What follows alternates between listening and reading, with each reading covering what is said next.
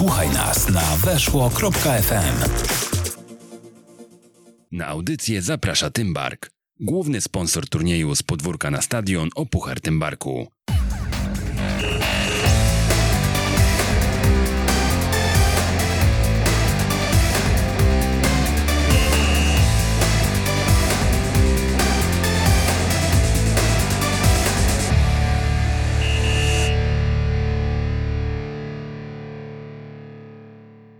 Jak uczyć futbolu 146. Idziemy za ciosem po emisji pierwszego panelu dyskusyjnego z udziałem Jakuba Sagę i Tomasza Wilczewskiego przed tygodniem. Dziś odcinek z Markiem Śledziem i Tomaszem Tchórzem, ale także z wami, bo spośród ponad setki trenerów, którzy 31 lipca na trenerski meetup e, wybrali się do Wrocławia, kilku zabrało głos i kilku będzie tutaj słychać. Przypominam, że mm, ten odcinek ten podcast to nagranie właśnie panelu dyskusyjnego o periodyzacji taktycznej, a konkretnie o jej zmierzchu. E, nagranie z czasoprzestrzeni z zajezdni Dąbie, e, z tego eventu, który miał miejsce w ostatni dzień lipca 2021 roku. Czy periodyzacja taktyczna zatem się kończy? E, na to pytanie poznacie odpowiedź już za chwilę.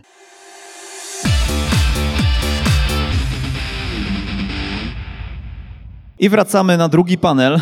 E, tym razem w temacie kontrowersyjnie zmierzch periodyzacji taktycznej.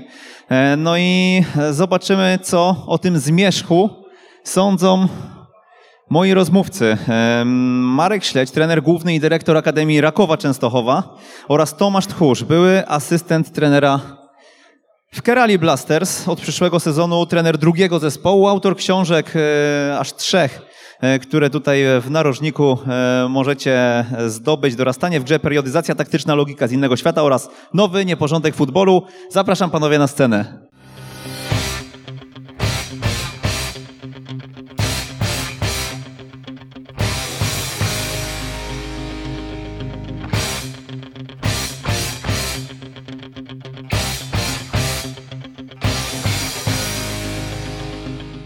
No dobrze, e, ja zacznę, ale jak zwykle będę próbował od Was wydobyć e, pytania, bo to dla Was jest to spotkanie i to dla Was e, jest ten meetup.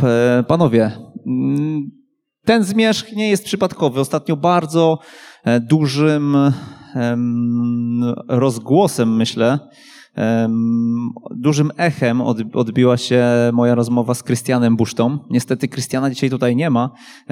Były takie plany, żeby go e, również e, tutaj ściągnąć do Wrocławia, ale on zdaje się, że jest w Hiszpanii.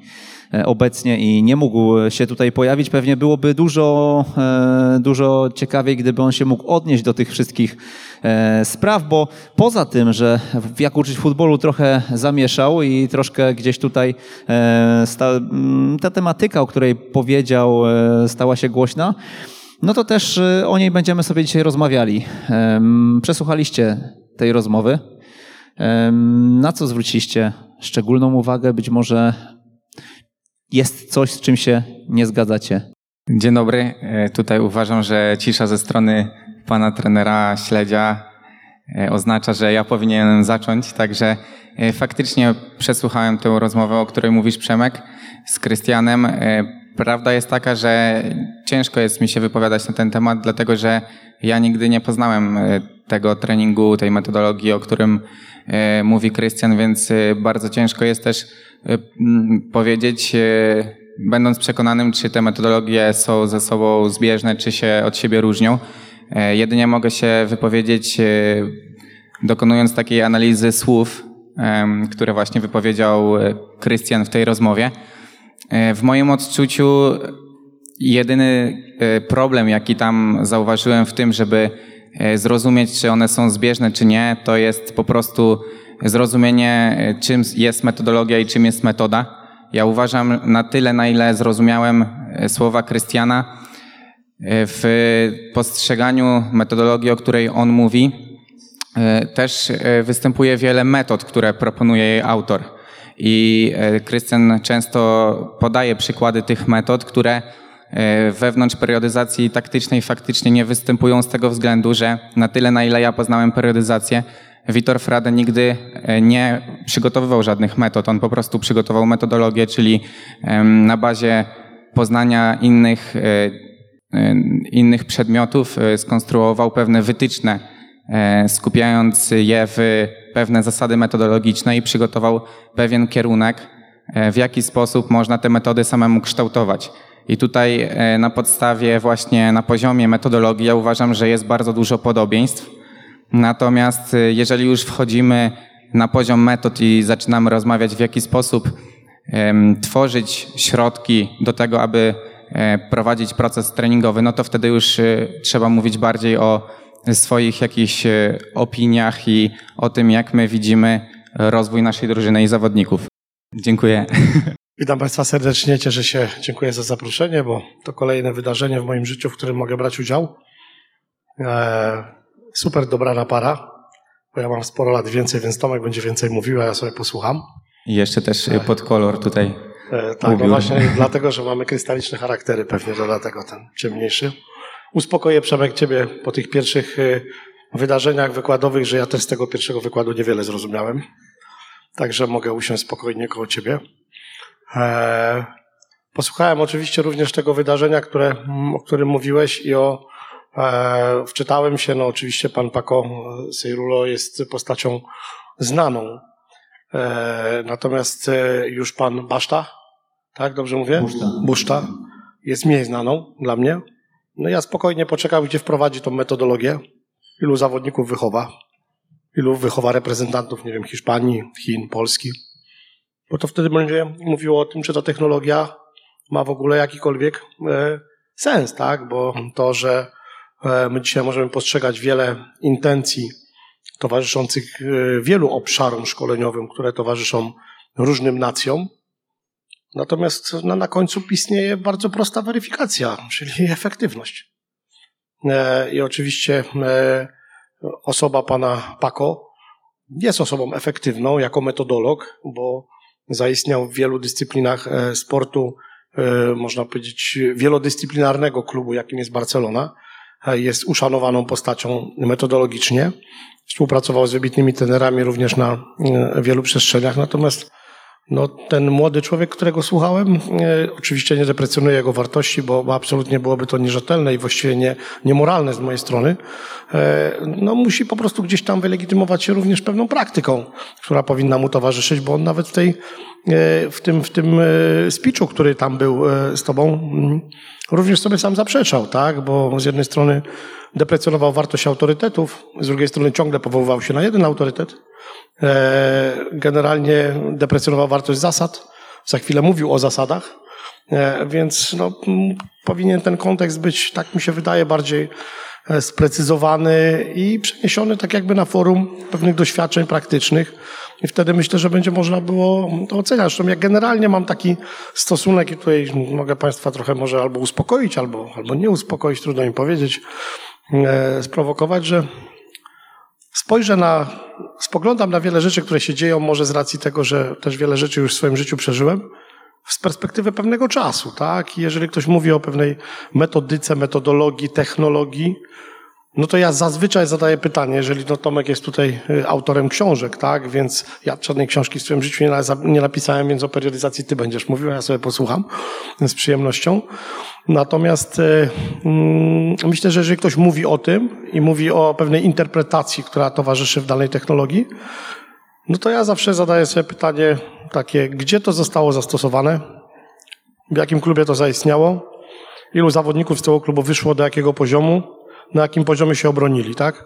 Ilu z nich gra dzisiaj w najlepszych klubach europejskich, ilu gra w reprezentacji, ilu zdobywa medale. No bo tak naprawdę to jest jedyna weryfikacja finalna naszej pracy. No jesteśmy trenerami, jeżeli jesteśmy trenerami zawodowymi, oczywiście towarzyszy nam wiele jeszcze obszarów pracy pedagogicznej, wychowawczej, celowej, związanej z tym, mm, e, jak będziemy tego wychowanka swojego definiowali, że ten mecz dla niego najważniejszy będzie się często toczył poza boiskiem, że będziemy odbierali od niego życzenia noworoczne i wielkanocne pewnie do końca swojego życia jako tutorzy jego e, postawy, ale w kategoriach pracy zawodowej, szkoleniowej, no liczy się ten efekt, który jest efektem finalnym pod tytułem medale, piłkarze, zawodnicy, No nie ma inaczej, to nie ma innej weryfikacji. Po prostu jeżeli ktoś myśli inaczej, to uważam, że wybrał zły zawód. Na ile panowie śledzicie to, co się dzieje w Europie, jeżeli chodzi o właśnie metodologie szkoleniowe?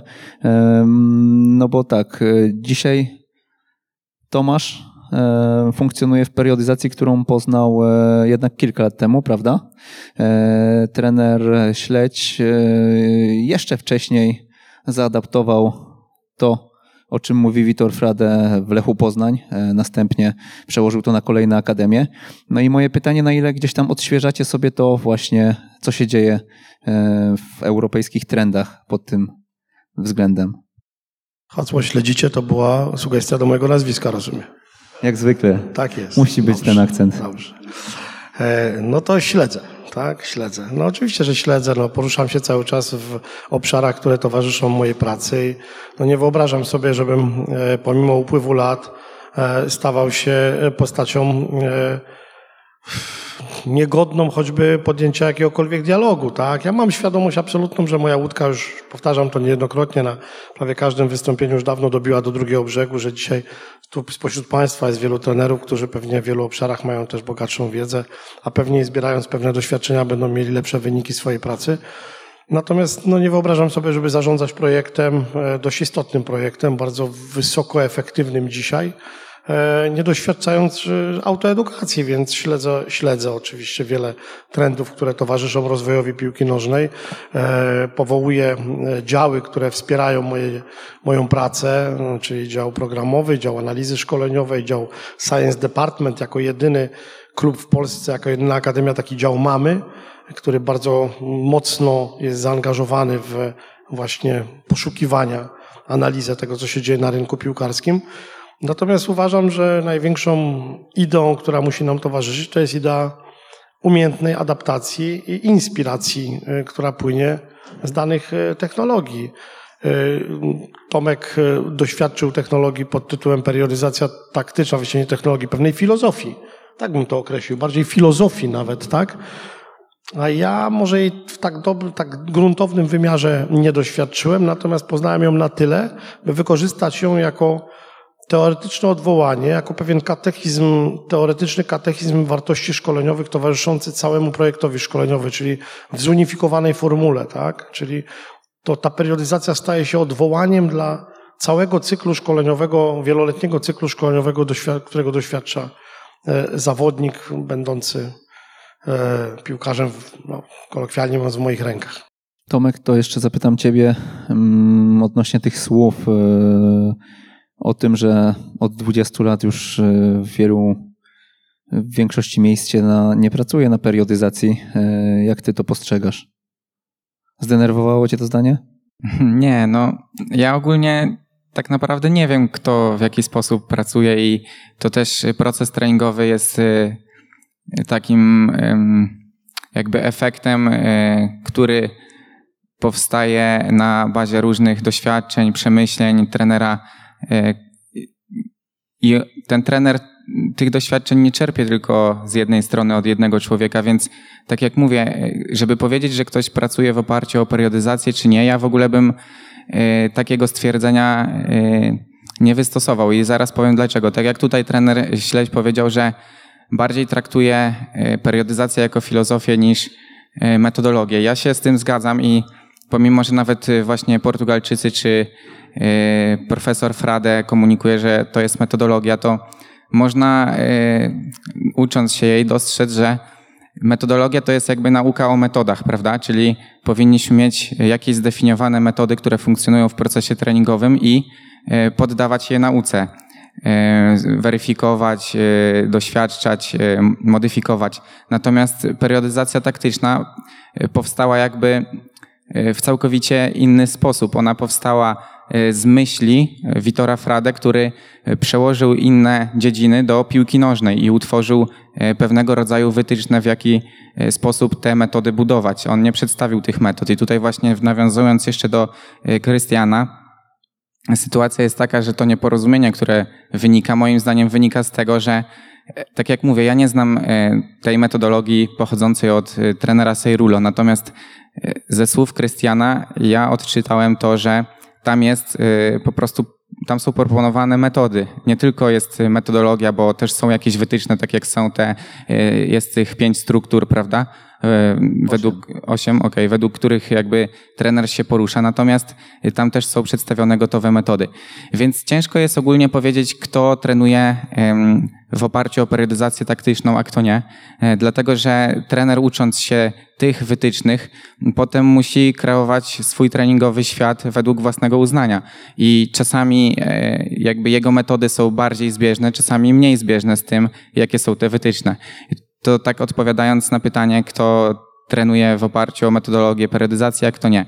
A jeśli chodzi o pytanie odnoszące się do tego, czy właśnie podążam e, też za innymi jakimiś trendami, to przyznam się szczerze, że jestem zainteresowany różnymi autorami, tak jak e, też starałem się trochę pozyskać wiedzy, którą przekazuje e, Raymond Verheyen, czy właśnie też e, czytałem tą książkę Javiera Mayo, tak? O, o tym mm, właśnie o porównaniu tych dwóch metodologii. Natomiast ja ogólnie jestem taką osobą, że mm, po prostu w danym momencie robię to, co mi się podoba i teraz od momentu napisania tej trzeciej książki zauważyłem, że E, bardziej mnie pociąga tworzenie właśnie jakichś metod autorskich, takich pomysłów, e, gotowych recept i raczej e, uciekam w tę stronę, żeby proponować gotowe rozwiązania, aniżeli pozyskiwać jeszcze jakąś wiedzę, tak jak kiedyś robiłem to w przypadku periodyzacji. Ja myślę jeszcze, że dla Państwa będzie dość istotną formułą rozróżnienie E, tych działań, które towarzyszą, można powiedzieć, tej samej nazwie.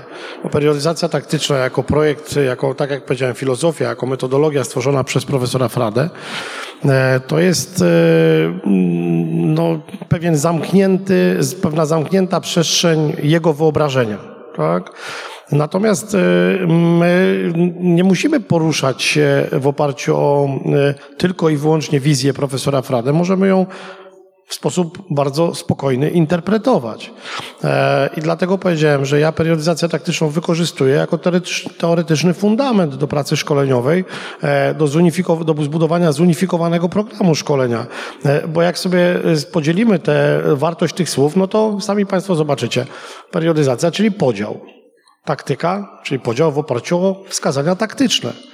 Tak? czyli całkowita zmiana koncepcji, można powiedzieć, w całym wieloletnim cyklu szkolenia, bo do niedawna mówiło się o nauczaniu w oparciu o umiejętności, o technikę, o wyposażenie w umiejętności. Czyli mówiliśmy o tym, że e, ta metodyka dotyka, dotykała właśnie tych wyizolowanych czynności, które w ogóle nie dotykały działań taktycznych, tak? A wprost przeciwnie, jeżeli ktoś mówił o taktyce u pięciolatka, no to tak naprawdę narażał się niemalże na zdeprecjonowanie, na, na atak ze strony rodzica, bo intencja taktyki kojarzyła się z e, umiejscowieniem zawodnika na konkretnej pozycji, obarczeniem go konkretnymi zadaniami, zamknięciem go w przestrzeni. Tymczasem e, dzisiaj tu padło takie fajne zdanie o nauczaniu prowadzenia piłki ze strony Tomka. Ja przed chwilą to gdzieś tam troszeczkę spuentowałem w naszej y, rozmowie. No bo to prowadzenie piłki, w którym my nauczamy y, dziecko y, na przykładzie tego slalomu, no to jest prowadzenie odtwórcze. Taka sytuacja nigdy nie, nie jest wykorzystywana na boisku. Czyli nie istnieje taka sytuacja w grze, no to po co nauczamy taką formą? Nie nauczajmy taką formą, ale wcale nie jest y, jedynym, jedyną weryfikacją umiejętności prowadzenia piłki to, że on w każdym kontakcie z piłką będzie w stanie wykonać podanie w każdym kroku. Dlatego, że zawodnik, jeżeli zanalizuje nawet dziecko, że przestrzeń przed nim jest przestrzenią wolną do zdobycia, to on tą piłkę trąci raz, wykona 30 kroków, pokonując tą przestrzeń szybciej niż prowadząc ją i wykorzysta ten element dla zdobycia przestrzeni, czyli ten element techniczny w nauczaniu, w tej koncepcji, która towarzyszy mnie, jest elementem ostatnim w stosunku do kontroli przestrzeni, czyli konkretnego odczytywania informacji z otaczającego piłkarza tego mikroświata na boisku, następnie decyzji o tym, co powinienem uczynić, żeby moje działanie było najbardziej efektywne i na końcu jest umiejętność wykonania tego i to wszystko powinno odbywać się w jak najkrótszej jednostce czasu, tak? Po to, żeby być jak najbardziej e, efektywnym. I znów, czyli mówimy o tym, wracam do tego prowadzenia piłki, ale jeżeli damy dziecku zadanie, temu pięciolatkowi, ja rzucam teraz z głowy. Jest tam jakiś kwadrat, powiedzmy 20 na 20, 15 pachołków różnego, czy czapeczek, czy nie wiem, jak tam sobie ta, teraz to, nie wiem, jak to jest nazywane, wy mi podpowiedzcie, bo ja, ja ten narodowy model gry tak średnio znam. E, stożki, tak, te stożki są tak poustawiane różnego koloru. I w tym samym prowadzeniu piłki powiemy dziecku, przeprowadź piłkę tak, żeby za każdym razem dotknąć stożka innego koloru. To on będzie pokonywał przestrzeń, ale według swojego wyobrażenia. Tak? On będzie pokonywał, zdobywał te przestrzenie, uczył się prowadzić, kontrolować piłkę z konkretnym zadaniem. Ono nigdy nie będzie zadaniem zamkniętym. Ono będzie otwarte. On będzie decydował o tym, jak, w których kierunkach będzie prowadził tą piłkę, dalej kontrolując ją. Tak? I, I to jest nauczanie, i to jest jego taktyka prowadzenia piłki. Więc to ćwiczenie jest elementem nie kształtującym umiejętność, tylko pokazującym działanie zawodnika z elementem umiejętności, którego nauczamy, jako elementem wtórnym. I to jest moim zdaniem najbardziej e, istotny element związany z umiejętnym interpretowaniem periodyzacji taktycznej jako pewnej metodologii pracy, tak, którą ja, przyznam się szczerze, od wielu lat adaptuję do całego wieloletniego procesu szkolenia. Stąd wiem, od czego powinienem zaczynać w nauczaniu pięciolatka, siedmiu, dziesięcio, dwunasto, piętnasto i tak naprawdę w tej samej technologii kończymy z seniorem. Ostatnio mam wrażenie, na skalę masową mówi się o tym e, właśnie mózgu, o podświadomości, o automatyzmach, o e, procesach decyzyjnych e, i o tym, że to one są najbardziej wartościowe w piłce i to właśnie mm, dzięki nim możemy rozróżnić zawodnika na poziomie topowym od e, zawodnika na poziomie podwórkowym. E, powiedzcie, czy wy dzisiaj czujecie, że w dobrym momencie postawiliście na dobrego konia? Tomaszek? Ja ogólnie nie stawiałem na żadnego konia, po prostu tak się udało, że e, w momencie, w którym Mateusz zainteresował mnie fundamentami gry, mm, miałem dużo takich przejść osobistych i zawodowych i też właśnie ku temu, żeby zacząć interesować się profesorem Frade, mm, tak naprawdę złożyło się to, że wyrzucano mnie ciągle z klubów e, tutaj w Polsce, więc no musiałem coś robić i do tej Portugalii wyjechałem. E, I po prostu akurat tak się e, w ten moment wkleiłem, że w Polsce jeszcze panowało trochę inne myślenie. Mm, już oczywiście młodsi trenerzy też, którzy byli mniej na bakier z komputerami i z internetem, pozyskiwali tą wiedzę, znali języki, no to sobie radzili. Natomiast przede wszystkim takie podejście systemowe na pewno y, jeszcze nie było tak rozwinięte pod kątem jakichś nowych trendów. I y, właśnie ja no tak przez przypadek wykorzystałem ten moment, że przedstawiłem coś, co jeszcze na polskim y, rynku może tak nie było przedstawione w sposób taki globalny, bo tak jak tutaj trener Marek Śledź, który już to praktykował w w Lechu Poznań, no to, no to oni to robili, ale to nie było tak y, rozpropagowane y, jakby w skali kraju.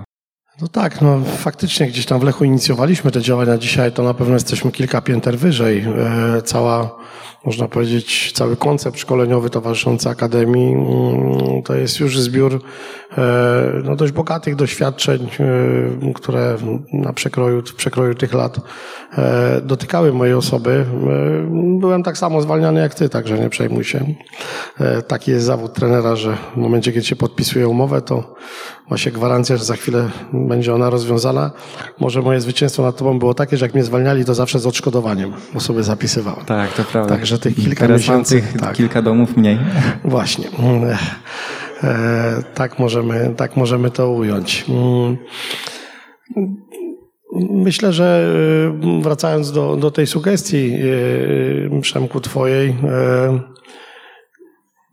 nie ma dzisiaj zmierzchu periodyzacji taktycznej. Nie istnieje takie, takie stwierdzenie. Jak Państwo spojrzycie sobie na wielu trenerów, którzy swoją pracę szkoleniową dzielą właśnie w koncepcjach taktycznych i tak ją realizują, no to oni wszyscy pracują w jakimś wymiarze w oparciu o pewien fundament periodyzacji taktycznej, stosują mniej bądź bardziej zasady jej funkcjonowania, bo tak jak tutaj y, y, pan, Pat, pa, dobrze Patryk? Dobrze, nie, Krystian. Krystian opisał osiem tych, tych przestrzeni, tak profesor Frade mówi o pięciu zasadach głównych periodyzacji taktycznej, e, które towarzyszą. Natomiast no spojrzycie, czy Bielsa, czy Klopp, czy Lew, czy oni wszyscy pracują w oparciu o ten sam koncept, tylko każdy pracuje inaczej. No i, i każdy wnosi w to odrobinę swojego ja. I ja twierdzę, że e, to jest droga, która powinna towarzyszyć wszystkim nam, czyli droga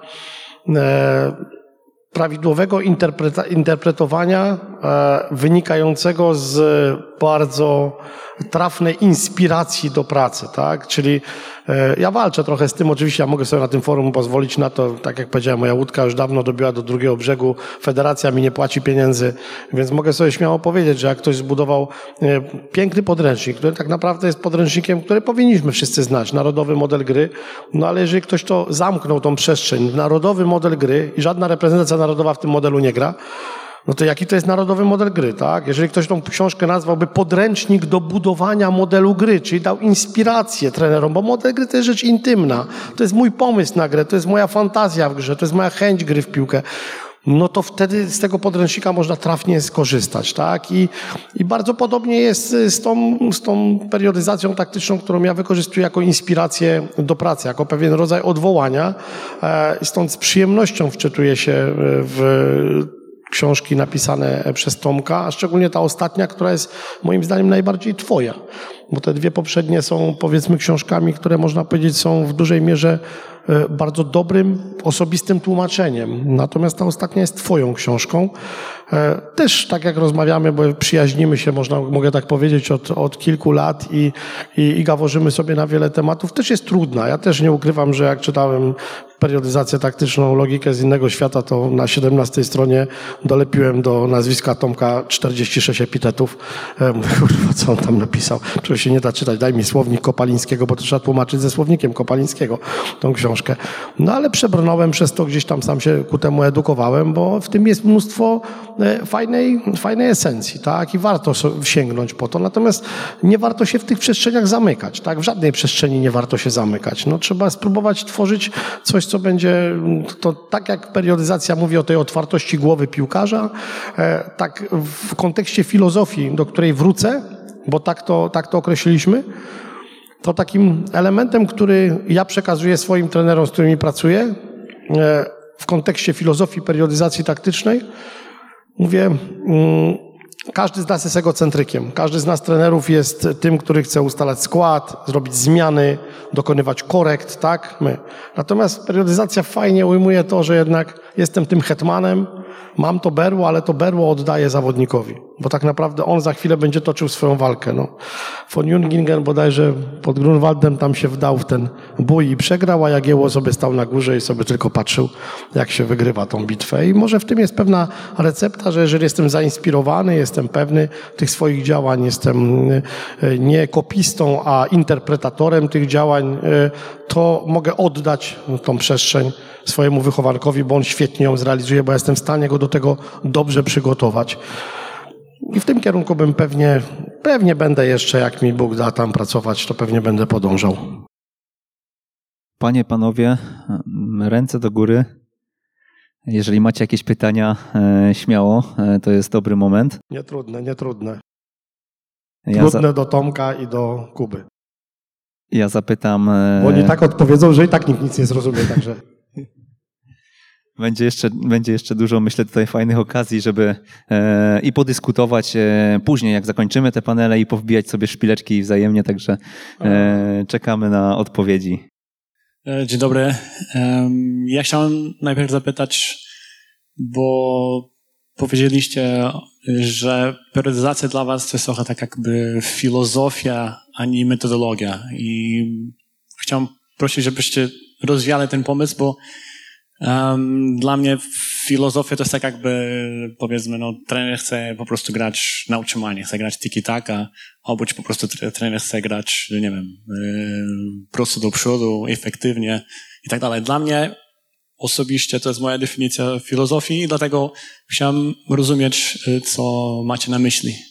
Ja odpowiem może jako pierwszy Tomkowi, tym razem zabiorę głos. Powiem tak, y, no źle, pewnie źle odczytałeś y, to, co przekazywaliśmy, bo ja bezwzględnie filozofię profesora Frade, znaczy inaczej koncepcję profesora Frady mogę traktować jako pewien rodzaj filozofii, ale nie, kontekście, nie w kontekście dedykowania piłce nożnej, tylko filozofii życia po prostu. Natomiast y, dla mnie periodyzacja taktyczna jest absolutnie metodologią, tak? Jest metodologią usystematyzowaną od fundamentu aż po strych, czyli od pięciolatka do seniora jestem w stanie pracować w odwołaniu do tej konkretnej teorii, która mówi o podziale etapów szkolenia w stosunku do działań taktyczno-technicznych, taktycznych, do działania zawodnika, a nie do jego umiejętności czy zdolności. Ale możliwe, że Tomek myśli inaczej, zresztą wielokrotnie myślał inaczej, więc pierwszy raz myślał inaczej na kursie UEFA Litiów. To się dobrze nie skończyło. Skończyło się jak dobrze. już, jak już zaczęliście, to opowiadajcie. Skończyło się dobrze. E, No tak, skończyło się tak, że właśnie teraz mamy dobrą z trenerem relację, ale e, miałem duże problemy przez to, że kwestionowałem wiele rzeczy na kursie i e, tutaj myślę, że też osoba trenera śledzia mnie obroniła, bo e, byłem przekonany, że nie, nie uda mi się zdać po prostu tego kursu, że tam na egzaminie będę miał trudności, ale było bardzo fajnie i też bardzo w porządku się zachowali wykładowcy, ale myślę, że też dlatego, że e, jakby tutaj w sukurs poszedł mi pan trener i, i jakby swoim nazwiskiem mnie obronił wtedy. Ja Tomka nie znałem wtedy, ale musiałem stawić czoła Majewskiemu i Pasiece, bo się chcieli wywnętrzać tutaj nad naszym młodszym kolegą.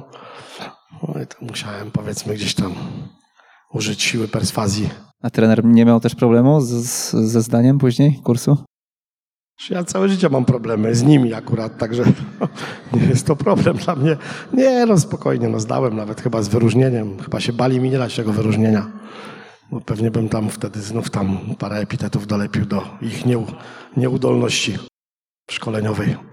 Dobrze, a teraz y, właśnie odpowiadając na pytanie, y, ja to tak postrzegam, dlatego że tak jak już powiedziałem, y, każdy trener prowadząc, realizując proces treningowy, wykorzystuje metody, które przygotował, czyli na przykład taką metodą może być y, jakaś konkretna gra treningowa, albo sposób przekazywania informacji, albo y, na przykład y, przedstawienie treści, jakie będą y, realizowane w trakcie treningów. No ogólnie, żeby realizować proces treningowy, to trzeba stworzyć lub no, wykorzystywać wiele metod przez siebie wcześniej wykreowanych. I właśnie z samej definicji, oczywiście tutaj bardziej się można czepiać tego, jak e, powinniśmy rozumieć e, definicję metodologii.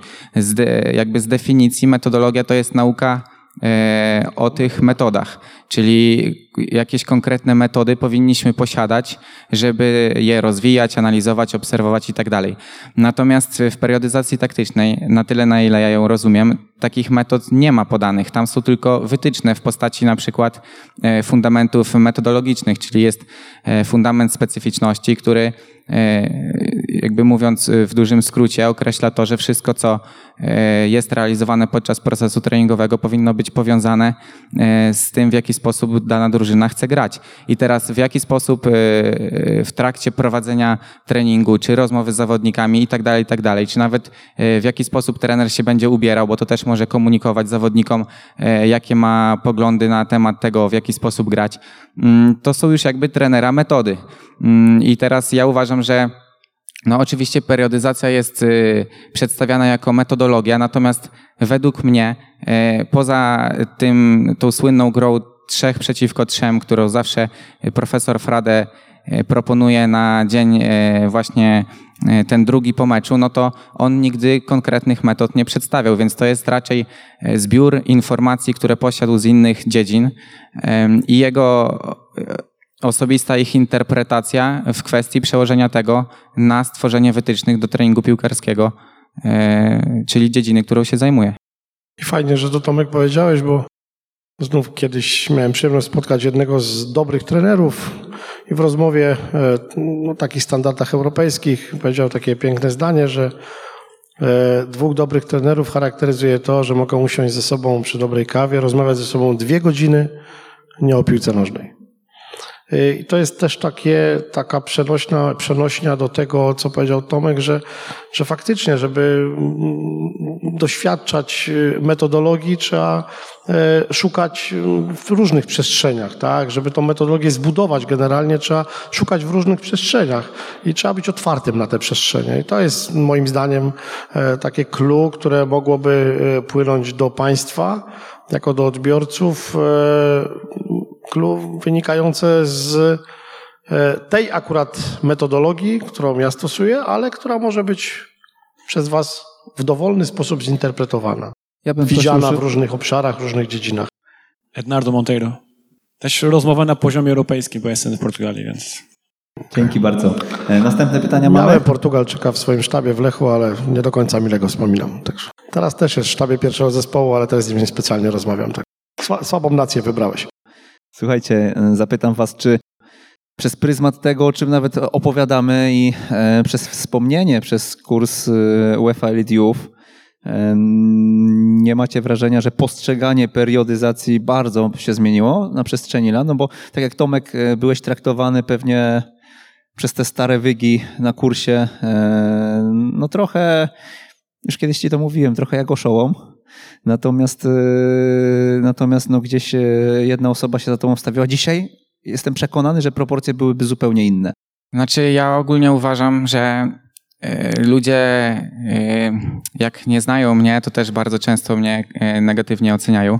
I często jest tak, że w momencie, kiedy poznają mnie osobiście, to mówią, że ojej, nie spodziewałem się, że jesteś taki okej. Okay. I na przykład tak mogę tutaj podać nazwiska jak Łukasza Tomczyka czy Matiego Maciejewskiego ze Stali Rzeszów, właśnie ta grupa słynna Deduktor, tutaj zrobię re, jej reklamę. Mm, właśnie najczęściej tak jest i teraz e, moim zdaniem nie do końca to jest tak, że e, tam ludzie byli przeciwko mnie, tylko nawet teraz jak rozmawiamy czy to o Krystianie, to jest taka moja osobista, osobista uwaga, że jak może Krystian mówić o mnie w osobie trzeciej, skoro się tyle znamy, albo mówić, że nie wie, jak ja patrzę na piłkę, jak się tyle razy spotykaliśmy, albo na przykład e, są też książki napisane w języku polskim, które e, przedstawiają e, zawsze jakiś tam prawda, cytat jakiegoś autora, ale tylko zagranicznego, a na przykład z mojej książki nigdy nie mam mnie na końcu zdania, więc jakby to nie do końca jest tak, że oni są przeciwko mnie, czy ludzie są przeciwko mnie, tylko jako osobie mojej, czy osobie kogoś innego, kto robi takie rzeczy, tylko po prostu moim zdaniem jest takie ego i też jakieś zamknięcie przed czymś nowym, Mm, każdy też, no, jakby wszyscy funkcjonujemy w piłce nożnej, więc wiemy, że każdy. Często w piłce są takie osoby, to też jest moje e, zdanie, które do końca nie czują się e, dowartościowane, bo mają jakieś tam swoje osobiste problemy, a e, funkcjonują w tym świecie, gdzie są na świeczniku i to ego jest ich bardzo wysokie. No i później jest im ciężko zaakceptować fakt, że czegoś na przykład nie robią oni, jak ktoś inny i to nie jest atak personalny, tylko takie zamknięcie się przed czymś nowym. Tomek napisał taką dedykację w jednej z książek, którą otrzymałem od niego. Dla mnie tam jest takie piękne zdanie, że ludzie wyjątkowi muszą być gotowi na to, że będą marginalizowani. No i to tak trochę jest, że ta wyjątkowość, jeżeli mówimy coś, co jest y, powiedzmy nie do końca nieraz zrozumiałe, nieraz, zresztą ja przed chwilą to samo udowodniłem, mówiąc, że nie rozumiem, co mówił Kubata. No i też tam gdzieś próbowałem zdeprecjonować tą wartość, ale to tylko dlatego, że nie rozumiałem faktycznie wielu rzeczy, które, które mówił. E, i, ale to tak jest, po prostu tacy jesteśmy i pewnie jakoś specjalnie się e, wstydzić tych swoich osobowości e, nie musimy. E, pewnie niełatwo nam jest przyznać się do tego, że że, że czegoś nie wiem, tak? Ja często, nie wiem, czy są tutaj trenerzy, którzy byli u mnie na stażu. Filip na pewno jest, bo był chyba. E, tak. I pamiętam takie spotkanie zawsze, jak stażystów witam. Są trenerzy z Ścisowej. Tak jest, to też was tu poznaję.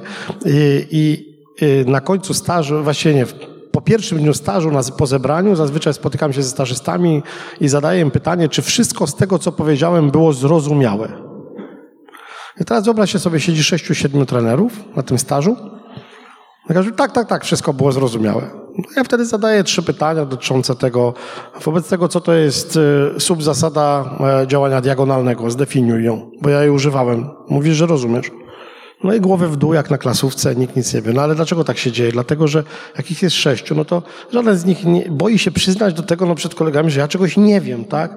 A to, jest, a to nie jest kwestia tego, że nie wiem, tylko nie, ta nomenklatura, która była, którą my używamy, ta specyfika, która towarzyszy nam w Akademii, jest, może być niezrozumiała, bo ją trzeba po prostu wytłumaczyć, tak? I ten trener, jak podniesie rękę i powie, tak, ja nie wiem, co to jest ta subzasada, to my powiemy, oni ma tak, no to już rozumie, tak? I to jest wtedy cała korzyść płynąca z edukacji, z tego stażu jest zdecydowanie większa, no bo potrafimy się tam do czegoś, do czegoś przyznać. A jeżeli chodzi o tą ewolucję, można powiedzieć, nas również w pracy, no to ona cały czas nam towarzyszy. Dzisiaj tutaj wspomniany był e, wielokrotnie przez e, Jakuba e, profesor Chmura. Ja bardzo dawno nie rozmawiałem z panem profesorem, choć jesteśmy, mogę powiedzieć, kolegami, znamy się od lat, ale bardzo dawno już nie rozmawialiśmy ze sobą. Właściwie poznaliśmy się na początku, można powiedzieć, mojej przygody zawodowej. No ale na początku profesor Chmura też pisząc książkę o szybkości, jak tam się wczytacie, to na przykład miał taki ulubiony swój podział na e, typ szybkościowy i wytrzymałościowy piłkarza. Pamiętacie takie podziały? On dzielił. Jeden, w zależności od progu przemian aerobowo anaerobowych, dzielił jeden, to był typ szybkościowy, drugi wytrzymałościowy. No mówię, jak pan to dzieli? No robimy testy i ci, co są poniżej, to są typ taki, a ci, co są powyżej w grupie, to są taki. Ja mówię, okej, okay, a jak ten zawodnik zmieni klub, i będzie w innej grupie, to znaczy, że zmienił się jego typ? Bo nagle jego pułap, czy ta, ta, ta prędkość progowa jest w zupełnie innej skali, bo trafił do klubu, który ma, wszyscy mają zdecydowanie wyższe progi. W tym z niższymi progami byłby szybkościowcem, a w tym z wyższymi progami byłby wytrzymałościowcem. No w ogóle bzdurny podział, tak? E, który tam kiedyś zdeprecjonował również pan ten Kowalczuk w Hanowerze. No ale myślę, że dzisiaj, e, kiedyś profesor Chmura pisał o motoryce, jako tym tej tendencji, e, można by wyizolowanej. Dzisiaj już mówi o neuromotoryce, mówi o psychomotoryce, mówi o wielu innych rzeczach, które jest, których, których dotyka piłki nożnej jako znowu dyscypliny specyficznej, rozwojowej, zmieniającej się, tak? Też zawsze daję taki przykład, mogę Państwu tylko powiedzieć, 20 lat temu pewnie jakbyśmy szukali teorii szkolenia, albo inaczej koncepcji szkolenia, czy nacji, która dyktowała wartości szkoleniowe, też często to powtarzam, to jaka to byłaby nacja.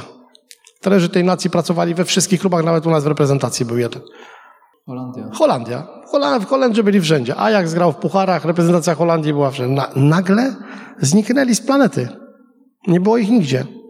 Bo zamknęli się w technologii umiejętności. Nie działania, tylko umiejętności. Piłkarze holenderscy umieli wszystko, Natomiast pojawiła się technologia, która nauczała działać zawodnika, czyli nie było najważniejsze, jak, jaką częścią stopy on poda piłkę, tylko czy podają w odpowiednim czasie, miejscu, dokładnie e, i czy to będzie podanie najbardziej efektywne ze wszystkich, które mógł wybrać.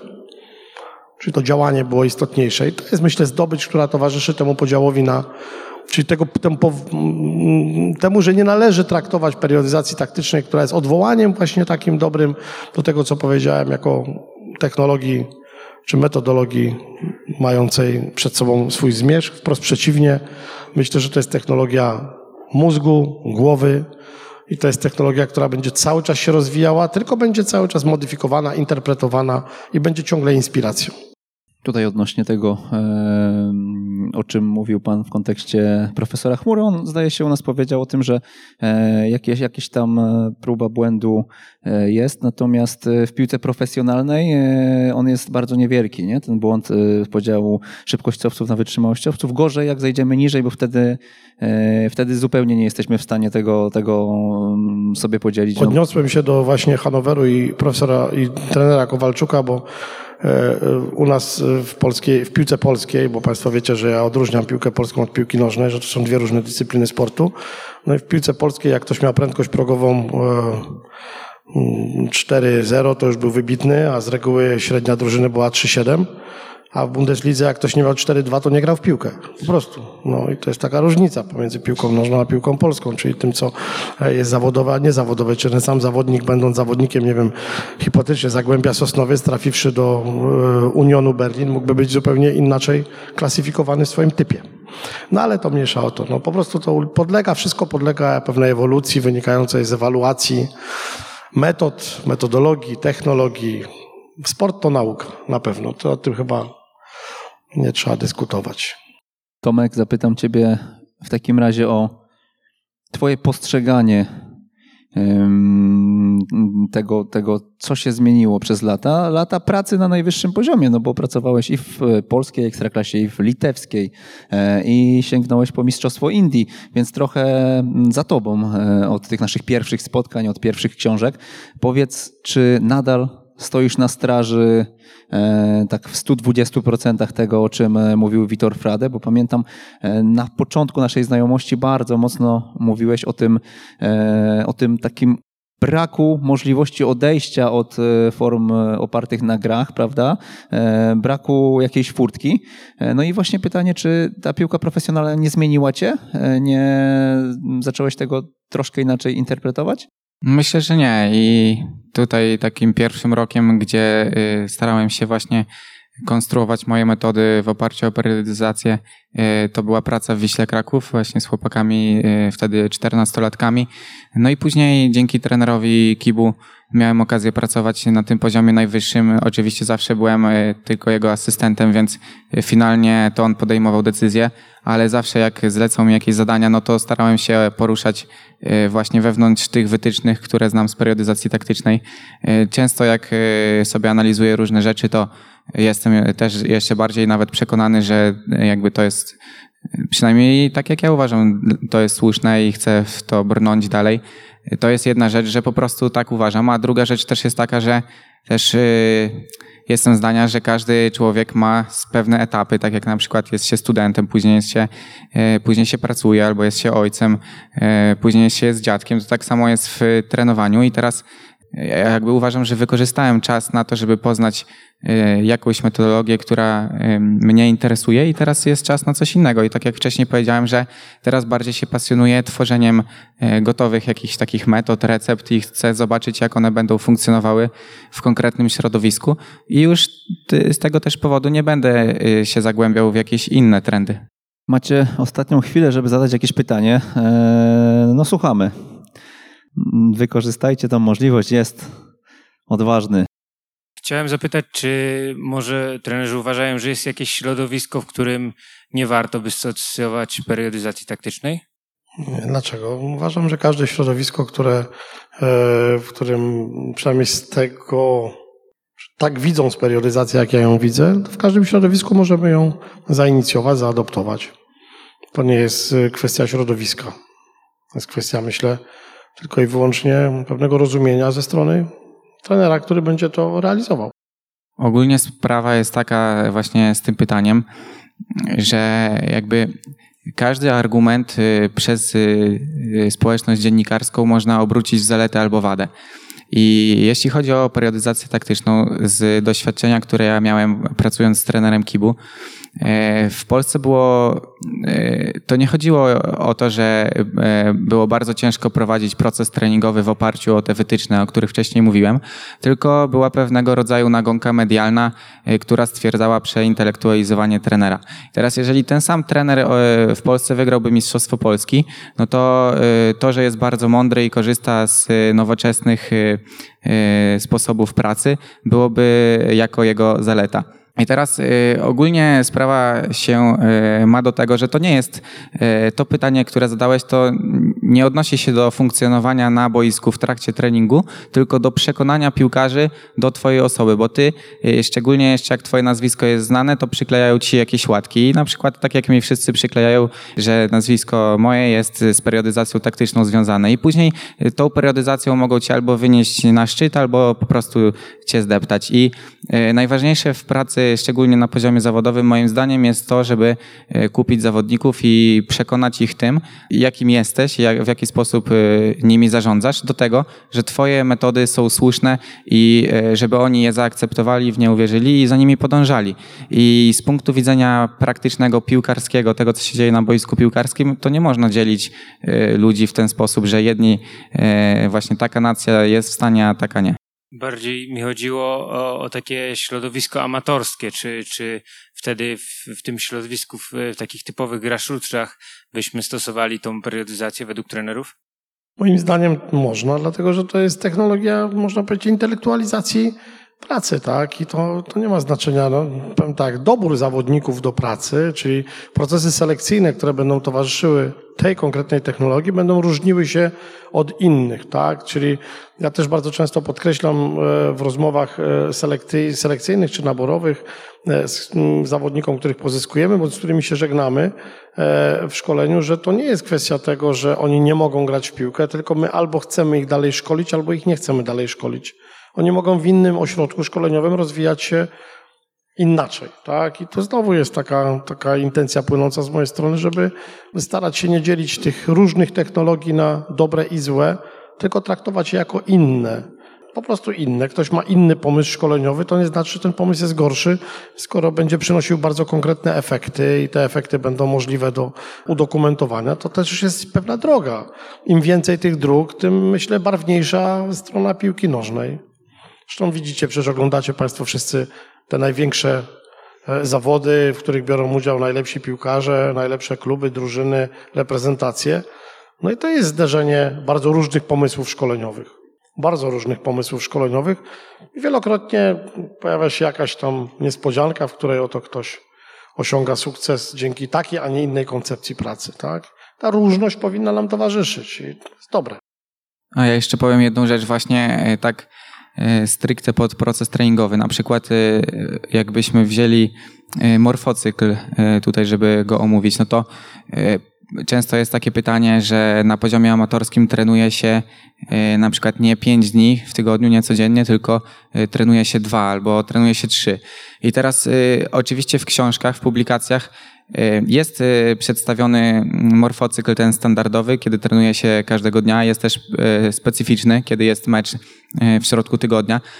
Natomiast tak naprawdę są to tylko przykłady tego, w jaki sposób można skonstruować ten morfocykl na bazie tych wytycznych, czyli fundamentów metodologicznych i w jaki sposób przygotować tą przestrzeń treningową. I teraz, jeżeli trener ma e, na przykład na poziomie amatorskim e, tylko trzy treningi w tygodniu, no to on jakby e, nie posługuje się tym morfocyklem, nie idzie tym tokiem myślenia, który jest przedstawiony w książce, tylko poznaje, na czym polega fundament skłonności kompleksowej progresji czy naprzemienności i w jakby układa morfocykl, który jest zgodny na podstawie tych wytycznych w środowisku, w którym funkcjonuje. I tak samo mógłbym podać y, no, wiele innych przykładów. Po prostu y, pracując w oparciu o periodyzację taktyczną, to znaczy poznać bardzo dobrze wytyczne, które profesor Frade przedstawia i zinterpretować te wytyczne w oparciu o to, w jakim środowisku się przebywa, do tego, żeby przygotować swoją metodę. Wobec tego, no jakby da się trenować to wszędzie, w każdym kontekście, czy to kulturowym, czy, e, czy nawet w obrębie jednego kraju w różnych miejscach. A mogę dopytać, czym się różni morfocykl od mikrocyklu? Bo nie wiem. No ogólnie różni się e, definicją. Mikrocykl, e, czy mezocykl, czy makrocykl, no to, to są jakieś przestrzenie treningowe określone przez czas trwania, czyli określone przez krótki czas trwania, e, dłuższy lub najdłuższy. Teraz jeśli chodzi o morfocykl, no to różni się to tym, że E, morfocykl jest zawsze sprecyzowany do przestrzeni treningowej od meczu do meczu i e, powstał, ta definicja powstała ze splotu dwóch słów morfo i cykl, czyli jest to cykl, tak jak już powiedziałem, a morfo z języka greckiego oznacza formę stałą i jest to takie odniesienie dokonane przez Fradę, że na tej przestrzeni treningowej musimy trenować cały czas to, co się wiąże z tym, w jaki sposób chcemy grać. Czyli innymi słowy, różni się to tylko definicją, ale definicją w periodyzacji taktycznej zamkniętą w ramy czasu, e, jaka odnosi się do przestrzeni meczowej, e, do przestrzeni treningowej od meczu do meczu. Jeśli chodzi o mikrocykl, mezocykl i makrocykl, to e, powiem szczerze, że nawet nie wiem, czy taka granica jest ustalona, ale są to po prostu przestrzenie treningowe, prawda? Nie mają w tej swojej definicji, nie mają takiego wielkiego jakby naznaczenia E, nie ma, które wynika... nie ma wyznacznika, którym byłby mecz, który by w sposób jednoznaczny określał ten, te procesy zmęczenia no, intelektualnego, tak powiem, zmęczenia mózgu. Tak, to raczej wszystkie te teorie dotyk, dotykały przede wszystkim obciążeń e, motorycznych, tak, czyli zmęczenia fizycznego, a nie zmęczenia psychicznego, które akurat w morfocyklu jest elementem najbardziej istotnym, bo no, ta kompensacja, można powiedzieć e, inaczej, ten, ten, ten, ta, ten najwyższy poziom e, twórczości powinien być wtedy, kiedy zawodnik będzie rozgrywał swój mecz. Czyli powinien być najbardziej wypoczęty. Je, jeszcze tutaj dopowiem, e, ogólnie makrocykl, tak teraz o tym pomyślałem, jest to jakaś przestrzeń, która doprowadza atletę do finalnego startu i e, miałaby go przygotować do osiągnięcia jak najlepszego wyniku w tym starcie. I tak jak trener Śledź powiedział, w, tym, w tej przestrzeni nie jest powiedziane, w jaki sposób regulować jego zmęczeniem i wydajnością. I tutaj jeszcze różnica jest taka, że w morfocyklu, czyli w tej przestrzeni zamkniętej od meczu do meczu, praktykuje się grę w taki sposób, że jednocześnie powinien zawodnik e, jakby e, odpoczywać i pracować na maksymalnym poziomie wydajności. Wobec tego jest e, zawarta ta regulacja zmęczeniem i wydajnością. Marek Śledź i Tomasz Tchórz, dziękujemy serdecznie. Dziękuję bardzo. Dziękuję bardzo.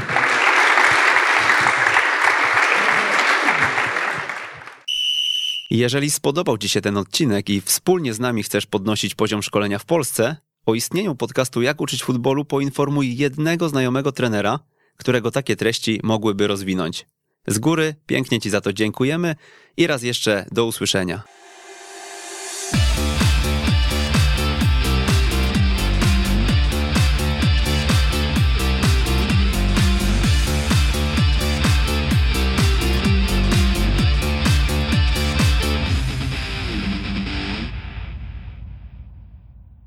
Na audycję zaprasza Tymbark, główny sponsor turnieju z podwórka na stadion o Puchar Tymbarku. Słuchasz Weszło FM.